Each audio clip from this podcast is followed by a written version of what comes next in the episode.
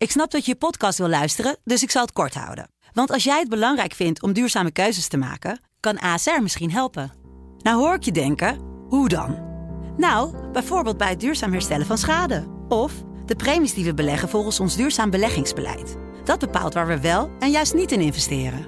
Wil je meer weten over welke duurzame keuzes ASR maakt? Ga dan naar asr.nl slash duurzame keuzes. ASR doet het. Zo, dan kan je nu lekker naar je podcast luisteren. Geldt ook voor de horeca. Uh, bereid je als horeca er maar op voor dat je bepaalde maanden van het jaar als een tierenlier kan draaien. Hutje, mutje misschien vol. Als, als weet ik van met een corona toegangsbewijs anderhalve meter niet zou gelden in jouw restaurant. Maar dat je misschien met de kerst eigenlijk wel vaker zult moeten draaien op bezorging. En van die zelf in elkaar knutselmenu's. Dit is Kwestie van Centen. Een podcast van de Financiële Telegraaf. Met Martin Visser en Herman Stam. Het is nog niet de laatste podcast van het jaar, eh, Martin. We hebben er nog uh, één te gaan hierna. Ja. Dat, wordt, dat was eigenlijk de bedoeling om een soort, dat doen we elk jaar, een soort feestelijke podcast van. We nemen het jaar door, maar goed. Dat nou, wat was het een feestelijk jaar, 2021, ik weet niet. Maar ja, er zijn ook niet echt veel garanties dat 2022 zal heel veel beter wordt, of wel? Nee, ik durf niet te voorspellen, maar uh, de naïviteit van een jaar geleden heb ik niet meer. Nee. nee we gaan het vandaag in ieder geval hebben over uh, alle coronamaatregelen weer die op ons uh, nou ja, zijn afgedaald. En ook vooral de lange termijn strategie ja. waar jij eens flink ingedoken bent. Want nou ja, goed, we hebben nu voor de korte termijn, voelen we het allemaal heel ellendig wat er met de kerst en zo allemaal gaat gebeuren. Maar vooral hoe gaat het dan die komende maanden en komende jaren misschien wel om lekker positief af te trappen. Maar nog even over, dat, uh, over wat we volgende week gaan doen. Uh, het overzicht, de overzichtspodcast van 2021. Wat, wat pik je er zelf uit als je, nou ja, je mag ook een corona-onderwerp uh, kiezen. Maar we willen heel graag dat luisteraars ons gaan mailen natuurlijk. Ja. En laten weten van nou, hier wil ik het graag over hebben. Maar wat zou jij doen als je nu de luisteraar bent ja. van waar je het ja. iets wat langer over Ja, iedereen kan mailen dus naar podcast.dft.nl. Een thema opsturen en dan kijken we wat, wat, wat er vaak terugkomt. Mm -hmm. Ja, vertrek van Shell. Mm -hmm. de, uh, de extreme economische groei na corona, terwijl we nog meer in corona zitten met de bijbehorende inflatie. Dat zijn ja. zo dingen die me zo uh, te binnen schieten. Maar er is natuurlijk nog veel meer, er is natuurlijk nog veel meer gebeurd. De, de, de oeverloze formatie. Met uiteindelijk aan het eind toch nog in ieder geval een regeerakkoord. Ja. Dat is in ieder geval weer iets. Ja, en alles rondom corona. Ja, weet je, er zijn heel veel dingen gebeurd. Dus even kijken of daar luisteraars op reageren waar we, het over moeten, waar we het over moeten gaan hebben volgende week. Ja, jij zegt tenminste in één keer het e-mailadres goed. podcast.dft.nl. Ja. Ik herhaal hem nog maar eventjes. En voor jou persoonlijk, want we hebben natuurlijk een leuk... Uh, we zitten ons heel erg te verheugen, want vanaf volgende week is het zover. Dan zit je in de slimste mens. Ja, je zit er al in, maar ja, volgende week ja, wordt het uitgezonden. Ja, ja. Uh, ik mag daar helaas niks over weten hoe dat is gegaan en alles. Maar dat gaan we, gaan we, we gaan goed kijken daarnaar.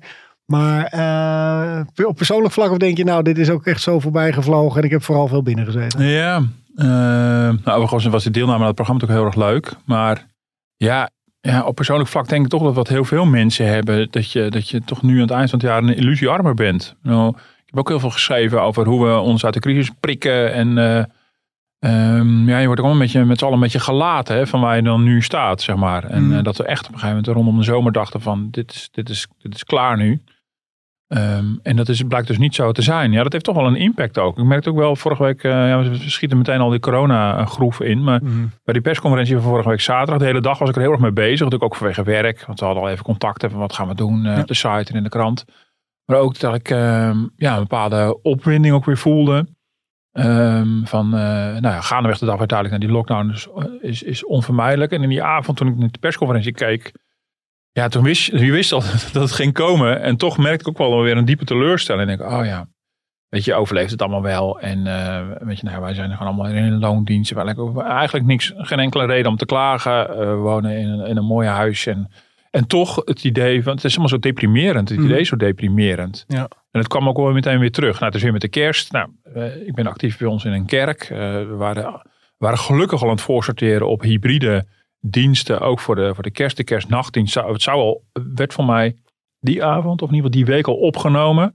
Dat die na vijf uur zou zijn, dus dat mocht sowieso al niet. Mm -hmm. nou, kerstochtend zou dan een, een, kerstfeest met de kinderen hebben. Mijn dochter zou piano spelen. En nou ja, gaat allemaal weer een streep doorheen. En dat mm -hmm. voelt ook wel ja, van die momenten in het jaar die toch wel belangrijk zijn. Die dan, uh, ja, van, nou, dat kan weer niet. Ja. Nou, uh, en dat speelt met name natuurlijk inderdaad rondom die feestdagen. Of als mensen de vakantie in het water valt. Of als je ineens niet meer naar familie toe kan, uh, uh, waar je toch naar, graag naar om wil kijken.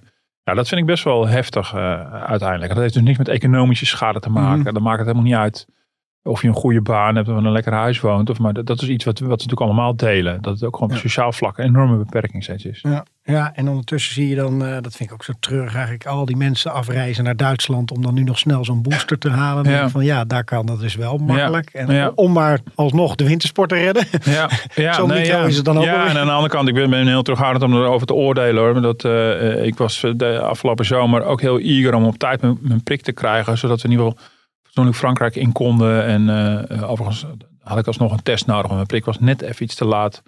Eh, dus dat, dat red je allemaal wel weer. Ja, dat is even iets heel dubbels. Want je denkt, het is maar vakantie. Maar aan de andere kant, ik weet zelf hoe heerlijk vakantie kan zijn. Dat je op kan laden, je kijkt ernaar uit. Ehm, ehm, ja, je moet ook niet alles kapot relativeren. Ik bedoel, dat zijn juist ook de mooie dingen in, in, in het leven. Dat is allerlei theatershows. Ik, bedoel, ik zag een, een, een toneelstuk wat een hele goede waardering had. En ik wilde al bijna kaartjes gaan bestellen. Leek me een leuk eh, Sinterklaas of kerstcadeau. En toen zag je alweer het buien hangen. Dat gaat helemaal mis. Ik denk, Ja, bestel toch maar niet, want dat gaat straks toch niet door. En ja hoor, dan eh, gaat het dus ook allemaal niet door. Dus eh, Ja. juist die dingen die, die leuk zijn in, in het leven, die het leven kleur geven. Ja, ik snap wel dat mensen zich in heel veel bochten brengen om dat dan toch door te laten gaan. Dat mensen toch gaan shoppen in Antwerpen. Ja, kan je zeggen, ja, dat is natuurlijk niet de bedoeling. Ja, licht is het niet de bedoeling. Maar Ja. Weet je, bedoel, eh, ja, mensen zoeken toch vertier op en iets leuks met elkaar. En ik snap dat allemaal Ja. wel eigenlijk. Ja, maar ik vind ook meer iets treurigs voor een ontwikkeld land zoals Nederland. Dat je dus allemaal nu naar Duitsland Ja. en Frankrijk moet afreizen om die Ja. te halen. Nee, dat is natuurlijk wel heel is- treurig. Zeker als je ziet met welk gemak dan vervolgens die prik gewoon krijgt. Ja. Nou, dus eh, nou, ik sprak gisteren hier een collega, ik zal geen namen noemen, die heeft al vier prikken inmiddels. Want die, eh, die had al heel vroeg een prik in Frankrijk gehaald, Mhm. de booster. En eh, die was nu alweer de Nederlandse booster toe. Want er zat alweer zoveel maanden tussen dat, Oh, ja. dat, dat hij die weer, weer kon krijgen. Ja, dat is natuurlijk absurd. En dan en had het ook... En dat, gelukkig ging in de persconferentie in, in de vraag en antwoord naar de hand ging het heel, heel nadrukkelijk over die booster. En of, of de trage boostercampagne niet de veroorzaker is van deze lockdown. Maar dat, dat gedraai en bijna gelieg gewoon van, eh, van, eh, van, van, van Rutte en de jongen om, om daar onderuit te komen. Ik zat nog even terug te lezen dat de jongen ook gewoon zegt van nee. Bedoel, natuurlijk is het zo, alle landen kampen nu met Omicron. Alle landen Mhm. zitten te zoeken, eh, eh, moeten we gaan verzwaren. Dat Ook, zie je ook landen gebeuren. waar wel de boosterprik al meer Precies, dus, en dat zeggen ze dan, dat klopt natuurlijk. Ja. Maar vervolgens zegt hij dat in alle landen vergelijkbare maatregelen wordt getroffen. Dat is gewoon niet waar. Nederland heeft gewoon zaterdag de internationale pers gehaald. Tot aan de New York Times naartoe. Mhm. Dat, dat wij het eerste land in Europa zijn die in lockdown gaan. En dan wordt één op één die boostercampagne aangekoppeld. Ja. Dat betekent niet dat andere landen misschien niet straks ook in lockdown zullen moeten. Dus het is de vraag of het onvermijdelijk was. Maar wij lopen nu, eh, nu noodgedwongen voorop. Omdat we al met een hele hoge ziekenhuisopname zaten in verhouding. En omdat we dus die booster niet op, niet op, orde hadden. Mhm. Ja, ik word daar wel vrij moedeloos van. Ja. Ooit, ooit waren we in Nederland trots op ons logistiek vermogen. Ik bedoel, wij waren de meesters in de logistiek. Nou, ik weet niet eh, waar dat is misgegaan. Maar ehm, het is echt, eh, wat dat betreft, natuurlijk gewoon een drama. Mhm. Behalve dan, uiteindelijk, het eind van de rit, kunnen we het dus wel. Maar, die, maar dat praatcircus vooraf, dat is zo oeverloos. Is Dat, het iets typisch voor onze cultuur, denk je? Omdat we gewoon ik heel allemaal moeilijk om te veel begrip op te brengen. hebben. Ja, Te, ja. te veel aan polderen zijn. Nou dat je in, een eh, in Portugees kerst- model met een generaal en die in één keer alles regelt. in de kerstkrant staat een interview met eh Jacco Vonhoff, de voorzitter van MKB Nederland. Eh, hardcore polderman. Mhm. En hij zegt notabene, ja, de polder werkt niet in crisistijd. Hij bedoelt vermoedelijk dan weer niet zijn eigen polder. Ik denk Mhm. dat hij weer andere bedoelt. Maar ja, dat oeverloze praten. eh, ja, hij zegt ook terecht, ja, om een pensioenstelsel te maken, werkt dat. Ja, dan, mag je, dan neem je gewoon tien, tien jaar de tijd ervoor. Ja. En, eh, maar dat werkt er niet in crisistijd. Dus je mist ook een, hij noemde het een commandostructuur. En dat herken ik, ik heb het ook wel mijn- mijn hoofd over gepijnigd. Van hoe had het nou anders gekund? Bedoel, Als je dus gewoon ziet dat en natuurlijk staan al die bewindspersonen in, in de crisisstand al heel erg lang. En ze werken keihard en dat is allemaal waar. En eh, hartstikke goed. Ehm, ze wilden ook zelf heel graag minister worden, denk ik dan altijd maar weer bij. Dus, dus eh, ze hebben ook in zekere zin een toptijd tussen aanhalingstekens. Dat heeft Hugo de Jong wel eens zo gezegd. Ehm, maar dat je gewoon de, de, de, het kabinet op dezelfde manier blijft organiseren. Met iedereen zijn eigen- portefeuilles. Dat Hugo de Jonge de gezondheidszorg op dezelfde manier blijft organiseren. Met allemaal decentrale bevoegdheden. Dat oeverloze praatcircus van al die onafhankelijke GGD'tjes. Ja, we lopen nu keihard tegen de grenzen daarvan aan. Mhm. En blijkbaar is het heel moeilijk om zelfs in crisistijd tegen ja, over belangen, bepaalde belangen heen te walsen. Nou, dat hebben we, vorig jaar gezien rondom eh, het, het testproblematiek. Dat, dat er te weinig laboratoriumcapaciteit was voor al die testen. Ja, dat had dan weer te maken met, met met de belangetjes van de verschillende soorten laboratoria die er waren. Al die ziekenhuislaboratoria en, en, en de grotere laboratoria. Nou goed, is een wereld die voor mij helemaal nieuw was. Uh, maar ik zag wel van ja, daar, daar, wordt steeds geit gespaard. En dat zie je dus voortdurend. Ja, ja dat is om gek van te worden. Heb jij niet, ik heb dat, weet je, wij leven zo in de dag hè, als journalisten ook. En dan van nou, dit is weer nieuws. Maar als je dit soort dingen inderdaad leest of even terugleest. Dat je dan denkt, mijn god zeg, wat voor een teller zijn we beland. Ik, ik heb soms ook het te weinig besef. Omdat je dan alweer met het volgende nieuws bezig bent. Maar als je gewoon een soort optelsom maakt van waar dingen fout zijn gegaan of sneller hadden kunnen gaan, dat ja. dan best wel schrikbarend is. Ja, zeker. Het is ook wel een kunst om, om de lange lijnen te blijven zien. Kijk, ik ben ook niet per se een coronaverslaggever, dus ik heb de luxe dat ik af en toe ook gewoon even wat achterover kan leunen en niet meteen heigerig uh, dat hoeft op te tikken. Uh, dat bedoel ik overigens niet denigrerend, want er is een enorme behoefte aan nieuws, dus moet ook gewoon mensen dat heel snel op kunnen tikken. Maar, um, um, maar dan zie je natuurlijk, ja, oh god, maar ik ben niet de enige. Ik bedoel, er is natuurlijk oeverloos over geanalyseerd inmiddels. Maar dan zie je dat natuurlijk wel gebeuren, al die valkuilen. En, en je ziet ook een kabinet dat steeds acteert op. Ja, die hebben dan, die hebben dan diezelfde korte termijn. Die, die, die uh, ja, als je niet uitkijkt als redactie zou kunnen hebben, dat je alleen maar bezig bent met wat gaat er morgen veranderen. Mhm. Maar het gaat ook om die lange lijnen van, uh, van waarom gaat het steeds mis? Maar op het moment dat het kabinet weer maatregelen moet nemen, eerst de, eh, de eerste maatregel, toen een verscherping en toen de scholen dicht en, en toen de lockdown. Ja, op dat moment telt alleen maar die lockdown ook voor zo'n kabinet. En in, nou, in zo'n persconferentie ook niet het moment om eens even vrijelijk te gaan zitten fantaseren over, over een lange termijn strategie. Terwijl daar mhm. wel behoefte aan is. Um, ja, en zo zie je dat, dat ook de politiek daar ook steeds in zijn eigen val weer trapt. En ook de Tweede Kamer worstelt daar heel duidelijk mee.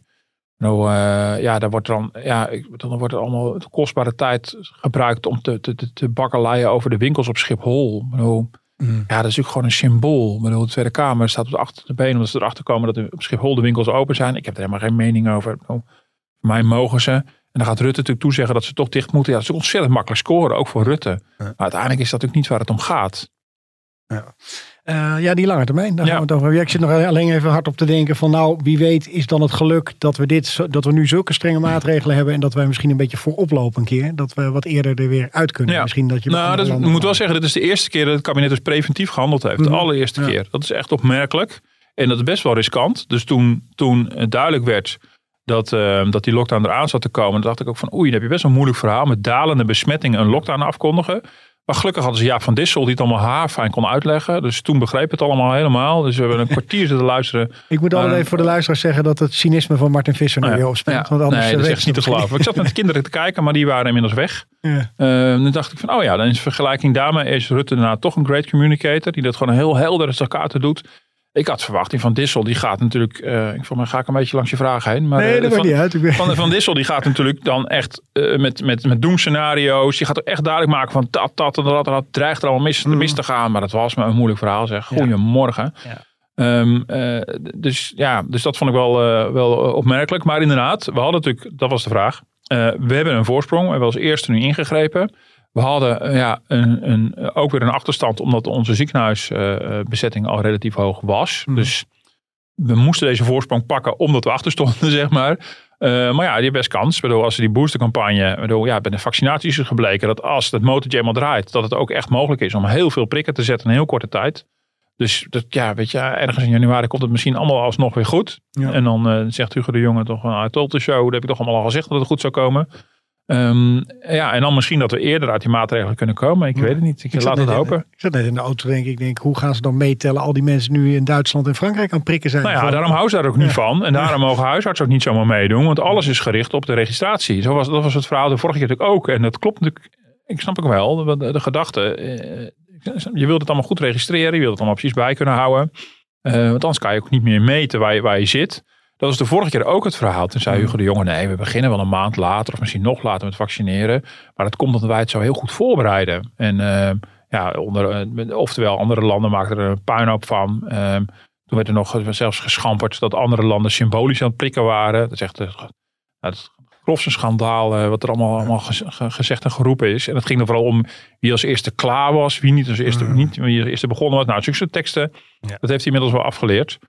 Maar eh, nee, het zal moeten blijken. En je ziet ook wel allerlei berichten verschijnen dat Omicron misschien toch nog meevalt. Dus eh, ja, dan heb je weer het debat van, hebben die lockdown niet voor niets gedaan? Mm Ja, dat is natuurlijk dat is precies de reden volgens mij waarom uh, de Nederlandse politici heel voorzichtig zijn om dit te doen. Omdat ze gewoon weten, als het achteraf een inschattingsfout blijkt te zijn, mm krijg je ongenadigd de kous op je kop. Dat, dat, is ook, we maken het in die zin de politici ook wel heel erg moeilijk. Ja. Dat we, uh, ja, je kan geen fout permitteren. Um, ja, dus dat is echt wel, dat is wel een risico. En ik, ja, als ik informatie zie en kan beoordelen, voor zover ik kan beoordelen, kan ik me goed voorstellen dat ze dit gedaan hebben. Hoe, hoe, hoe, hoe naar het ook allemaal is. Ja, en, uh, en, en de, want je, hebt me, je refereerde al aan uh, Jacob Vonhoff, de MKB-voorzitter. Hoe, uh, hoe zijn alle steunpakketten geland ja. bij Want het is maar even weer een shock voor de horeca. Nou, ja. maar maar op wat er ingekocht is. In nou ja, die, ik bedoel, zij schoten natuurlijk weer in dezelfde groef. Heel begrijpelijk. Ik, ik begrijp van, van Vonhoff dat hij af en toe zichzelf ook een uh, grijs gedraaide programmafoonplaat vindt. Als lobbyist kan hij weer niet anders dan om extra steun te, te, te vragen. En dat is uiteindelijk ook gekomen. Je ziet dat zowel die NOE, de loonsteuners, de TVL, de vaste lastensteuners, ook uh, allebei zijn ze weer iets uitgebreid. Ze zijn net weer iets rianter. Ze lopen door in het eerste kwartaal van volgend jaar. Um, daar waren al afspraken over, maar nu is het deze week is het nog weer net, net iets verder opgeplust. Dat je net iets groter percentage van je omzetverlies uh, goed gemaakt uh, kan zien. Maar ja, ze wijzen er ook op dat er gewoon talloze gevallen zijn die, die, die tussen wal en schip vallen. Mm. Dus ja, die, die zijn natuurlijk ook. En uh, om allerlei redenen, want het zijn generieke maatregelen. En ja, er zijn ook ondernemers die evident schade lijden en die toch buiten vallen. Ja. of, of maar een heel klein deel vergoed krijgen. Ja, dat blijft gewoon allemaal heel treurig. Of ondernemers, word ik opgewezen, die zouden willen stoppen met hun bedrijf. Uh, maar min of meer vastzitten in hun onderneming. Omdat ze met schulden zitten. Uh, verantwoordelijkheid voelen richting hun personeel ja, het is ook niet altijd makkelijk om zomaar even te stoppen met je, met je bedrijf. Ja, ja, dat, ja, dat. En het lijkt me ook gewoon wel de angst van ondernemers die zeggen van nou en nu is het echt wel klaar. Van ik heb het een paar keer nog geprobeerd, maar je, ja. nu houdt het allemaal wel op. Ja. Uh, nou, als er heel veel van je eigen geld al in zit en je hebt dus alles geïnvesteerd eh, in de gedachte dit is tijdelijk. Mm. Bedoel, uh, in dit gaan we allemaal uitzingen. En als je dan op een gegeven moment je verlies moet nemen, ja, dan kan je zien, een grote horeca-ondernemer kan zich dat op een gegeven moment permitteren. Nou, dat zagen we van de week ook in het nieuws. Maar misschien een kleinere ondernemer ja, zal de neiging hebben om te blijven doorgaan. En misschien te lang te blijven doorgaan. Ja. Uh, en zeker als, je, uh, als het nog echt een smak geld gaat kosten om ermee te kunnen stoppen. En regelingen van personeel te treffen en dergelijke. En je zit met een huurschuld. En uh, ja, dat is ingewikkeld. Toch zie je overigens in de statistieken. Waar de faillissementen laag blijven, zie je het aantal bedrijfsbeëindigingen wel relatief hoog zijn. dus er zijn dus wel degelijk ondernemers die gewoon uit zichzelf ermee stoppen. Mm -hmm. die dan niet formeel failliet zijn. Maar um, er wel uh, ja, toch uiteindelijk een beltje naar beneden gooien. Ja. En dan krijgen ze ook nog mee te maken, want uh, we kondigden al aan. Uh, we zijn er niet zomaar vanaf, want we gaan dit nee. uh, doorzetten. Maar er wordt al binnen het kabinet, rondom het kabinet nagedacht van. En hoe nu verder? Ja. Over een aantal maanden, zelfs over misschien wel over een jaar of ja, twee. Een paar jaar. Ja. En uh, je hebt er een mooi verhaal over getikt, wat veel uh, impact had volgens mij. Uh, gebaseerd op Haagse bronnen, die al hierover aan het nadenken zijn. Ja. Ik, ik, vond eigenlijk het meest opvallende, dat, dat, daar hebben we het ook over gehad, dat zomer-wintergevoel. Ja. Van nou, plan alles maar in de zomer, want in de winter heb je vaak kans dat het... Dat ja, nou, dat is een van de praktische dingen waar, waar ze nu ideeën voor aan het ophalen zijn. Die lange termijn strategie werd nadrukkelijk gevraagd door al een hele tijd door de werkgevers, echt al sinds de zomer. En uh, de laatste tijd ook door de Tweede Kamer. Uh, nou, we hebben vaker gehad dat er om toekomstperspectief werd gevraagd. En een kabinet zegt dan altijd, ja, dat is ingewikkeld. Maar wat natuurlijk nu wel duidelijk is, je moet op een gegeven moment wel bedenken van wat zijn de scenario's. En die scenario's zijn niet zo heel erg ingewikkeld. Die heeft de WRR en KNAW op een rijtje gezet. Maar die kunnen we zelf ook ongeveer verzinnen. Mm -hmm. Ja, dat scenario is ja, of het houdt morgen op. Nou, dat is niet zo waarschijnlijk. Mm -hmm. uh, of we emmeren nog een poosje door met die Omicron. Of er komt weer een nieuwe variant die nog veel ernstiger is en alle vaccins omzeilt. Dat ja. is een beetje, in dat soort scenario's moet je nadenken. Maar in ieder geval, alles komt neer op leren leven met corona. Wat het dan precies is. Mm -hmm. ja, en uh, nou, je ziet dus de werkgevers, je zet een soort stip op de horizon van... Uh, als we met elkaar zeggen, we willen de volgende winter geen lockdown meer. Nooit meer een lockdown. Wat moet je dan doen om daar te komen? Um, en die zoeken het vooral heel erg in de hoek van de, de gezondheidszorg en de opschaling van de capaciteit daar. En je ziet, wat ik dus nu uh, begrijp, is dat er uh, achter de schermen wordt inderdaad over het lange termijn plan nagedacht. En daarbij wordt dus niet meer zo'n stip neergezet. Daarbij is, wordt gewoon aangegeven, ja, een lockdown is gewoon niet uit te sluiten. Rutte heeft het overigens van de week in het Kamerdebat ook, ook expliciet gezegd. Nou, ik ben bang dat dat ook verstandig is. Want dingen uitsluiten, dat is net als mm. dat je zegt als Hugo de Jonge, de scholen gaan niet dicht en twee weken later doe je ja. toch. Nee. Um, dat kan je gewoon niet maken. Ik bedoel, dus sommige dingen kan je gewoon niet beloven. Mm. Um, um, maar dan is het de vraag van hoe leer je daarmee leven? En als je weet dat corona, à la de griep, gewoon op, op, opliert, zegt iedereen blijkbaar tegenwoordig. Oh. Oplieren, zegt Rutte steeds. En, en de jongen. dat, ja. Op, oplaait, opleeft bij de, bij, eh, in het najaar en in de winter. Mhm. En dan moet je je leven daarop afstemmen. De grap is, dat doen we eigenlijk al een beetje, alleen dan nu noodgedwongen. Ik bedoel, want we kwamen er nu achter dat de leuke dingen die we gepland hebben voor december, ja, die gaan dus niet door. En de leuke dingen die we gepland hebben voor, voor juli gaan wel door. Ja. Dus eigenlijk, vooralsnog... het, kerst, wat, het kerstdiner moet naar de zomer. eh, ja, om nou ja, iedereen te ja. kunnen Nou ontvangen. ja, kijk, de Staf de Pla, eh, die had een, ehm, eh, een burgemeester van Breda, die had gesuggereerd om de carnaval bijvoorbeeld in de zomer te doen. Hm. Als idee. Mhm. Dus zo interpreteer ik het een beetje. Hij zit in een, in een commissie van, eh, van de Vereniging Nederlandse Gemeenten. En, die ziet ook wel een beetje op die lijn. Van, ja, zijn er, wat zijn er nou voor, voor massa-evenementen of, of activiteiten met grote groepen... waarvan je gewoon nu uit ervaring weet... ja, die kunnen dus eigenlijk gewoon in de praktijk niet in de winter. Dus en daar moet je dan over na gaan denken. Dat, die, in die lijn is men nu aan het werken. Nu allemaal ideeën aan het ophalen van wat betekent dat dan? En dat lange termijn plan, zoals het er nu aan de kant van economie en samenleving uitziet. Want de zorg is nog een verhaal apart. Aan, aan die kant denken ze dan een soort drietrapsraket. Dat betekent dat je voor de komende jaren eh, basismaatregelen zult moeten houden. Nou, dat kan dus zijn mondkapjes, geen handen geven, dat soort dingen. Anderhalve meter misschien ook wel. Mhm. Dat, is allemaal nog, dat zijn ze nog aan het aftasten van wat moet wel, wat moet niet. Dat zou bijvoorbeeld betekenen dat we geen minister meer krijgen die, eh, die zingend voor de camera afscheid neemt van een mondkapje. Zoals Vert uh, Grappenhuis eh, had gedaan. Maar dat dat gewoon hier to stay is voorlopig. In het openbaar vervoer bijvoorbeeld. Of in een winkel. En je zegt, nou dat moet gewoon, eh, dat hoort er gewoon altijd bij. En dan heb je de, de, de tweede pakket. Dat is dan meer het winterpakket. Daar zit heel erg in dat leven met seizoenen. Ja. Eh, kunnen we dingen bedenken eh, die eigenlijk in de praktijk gewoon in het najaar en de winter niet meer mogelijk zijn, dat we die in de zomer doen. Nou, in een kerstdiner in de zomer, eh, gek voorbeeld inderdaad, maar als, als denkrichting wel, wel logisch. En als je met je familie eh, zegt, van, nou, we gaan een groot vakantiehuis huren. We willen, eh, we willen gezellig één keer in het jaar met de familie op vakantie. Ja, dan weten we eigenlijk nu uit ervaring al, ja, dat als je dat in februari plant, ja, dat de kans groot is dat, eh, dat tegen die tijd Mark Rutte daar een streep door heeft gezet. Ja, ja, ja. Ehm, eh, en, en, en dat vind ik wel interessant aan die gedachte. Het wordt dus allemaal weer teruggelegd bij ons als samenleving. Ja, beste mensen, bereid je er maar op voor ehm, dat je gewoon ja, niet meer laat overvallen door die maatregelen. Maar gewoon uit jezelf op bedenkt. Wat kan eigenlijk wel en wat kan niet in, in het najaar. En dan, Zo'n depri gedachte. Die, ik vind die decembermaanden Ja. al zo eh, Ja, donker en kort. ja. En dat je dan Nou ja, kijk, dus of het een beetje wensdenken is, dat weet ik ook niet zo goed. Hoor. Bedoel, je krijgt ook van die gedachten, die, die, dat hoor ik eh, vandaag ook weer eh, langskomen. Ja, misschien moet je de zomervakantie wel met de kerst doen. Hmm. Ehm, ja, ik weet niet of dat allemaal doenlijk is. Het viel me op, mijn dochter zei nou, toen de scholen dichtgingen van, oh ja, nu is de kerstvakantie eigenlijk al de helft van de zomervakantie. Die vond het ineens een hele lange Hmm. periode. Nou, dan komt die vierde week er nog achteraan. Ja. Dat ze misschien wel of niet eh, thuis moeten zitten. Maar dat is in ieder geval nog thuisonderwijs. Eh, ja, dan krijg je dat soort dingen. En of dat nou reëel is, ik weet het niet zo goed. Maar ja, het is wel in ieder geval een poging om, om duidelijk te maken. Of ja, eh, voor de komende jaren kunnen we bepaalde dingen niet. Want in dat derde pakket is dan toch het noodpakket. Daar zit er gewoon die lockdown toch weer in. Ehm, ja, natuurlijk neem ik aan dat kabinetten zullen proberen om die lockdowns te voorkomen. Ehm, maar dat betekent wel eh, dat de boodschap zal zijn richting scholen. We gaan maar een, een, een, eh, een thuisonderwijspakket uitwerken. En dan dus niet ad hoc en abrupt op het moment dat Mark Rutte ineens weer eh, op een persconferentie staat. Maar dat je van tevoren weet, van, ja, dit, dit hebben we gewoon in de kast liggen. En dat moeten we gewoon tevoorschijn toveren zodra het nodig is. Ja, en dat, kan, dat geldt ook voor de horeca. Bereid je als horeca er maar op voor.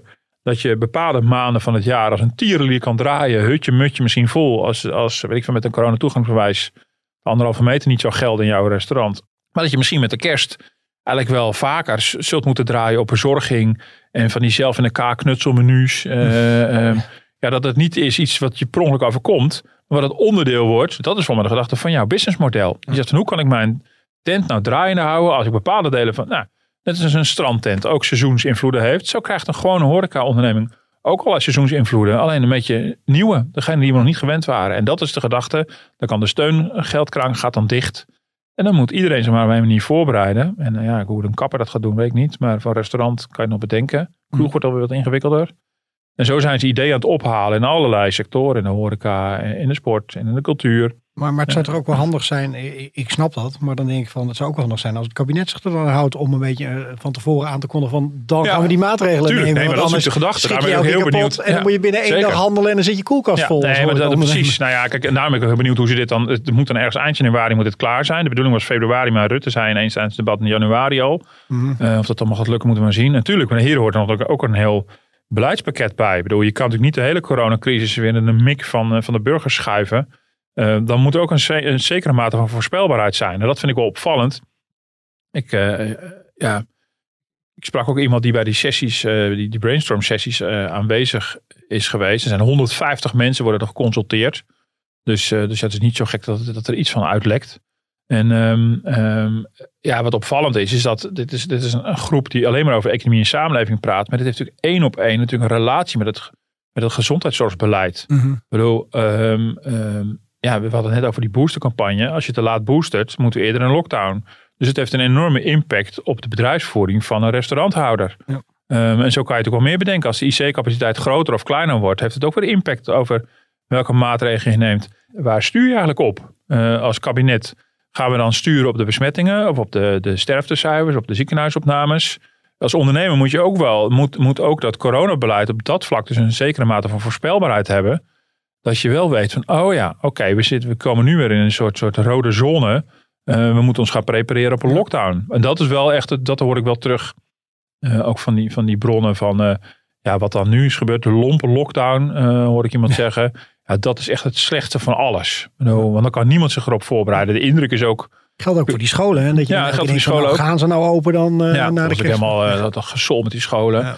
Maar de indruk is ook, ik weet niet of het klopt, dat de horeca ook vorig jaar beter was geprepareerd op, uh, op kerstdiners die mensen thuis konden maken dan dit jaar. Omdat iedereen nog vanuit ging naar die kerst. Die gaan we halen ja. met elkaar. Ja. En die scholen, ja, die, de horeca was natuurlijk vorig jaar in oktober al dicht. Hè. Mm -hmm. We hadden nog de halve lockdown. We hebben allerlei soorten lockdowns gehad. Dat was de halve lockdown. Die ging in oktober al dicht. En, uh, en toen ging in december alles op slot. Maar de horeca wist al, ja, er komt gewoon echt een hele moeizame kerst aan. En nu is het totaal overvallen. De scholen was natuurlijk helemaal rampzalig. Hugo de Jonge zegt van, uh, we gaan echt die scholen niet meer op slot doen. Dat hebben we wel geleerd. Uh, Arie Slop die herhaalt het nog een keer. En pats, gaan die scholen tot dicht. Ja, ja. Dan wordt het verkocht tot een mom van kerstvakantie. En, en, en, maar je zei van in die zorg, dat is dan weer een apart uh, ja. denkpatroon of ja. denkgroepje. Ja. Waarom is het dan? Want het is heel erg met elkaar verbonden. Ja, daar kwam ik, niet, kreeg ik niet helemaal goed de vinger achter. Ik bedoel, um, sowieso gaat het allemaal onder de paraplu van, van VWS, van het ministerie van Hugo de Jonge. Dus die gaat uiteindelijk met een plan komen. Dus nu... Uh, het wordt uit elkaar gehaald. Ja, een beetje onder het mond van ja, het is ook wel gewoon pragmatisch. Want we gaan dan 150 mensen uitnodigen uit de cultuur en de horeca en de sport. En die kunnen we moeilijk over de zorg laten debatteren. Nou, dat snap ik misschien zelf wel.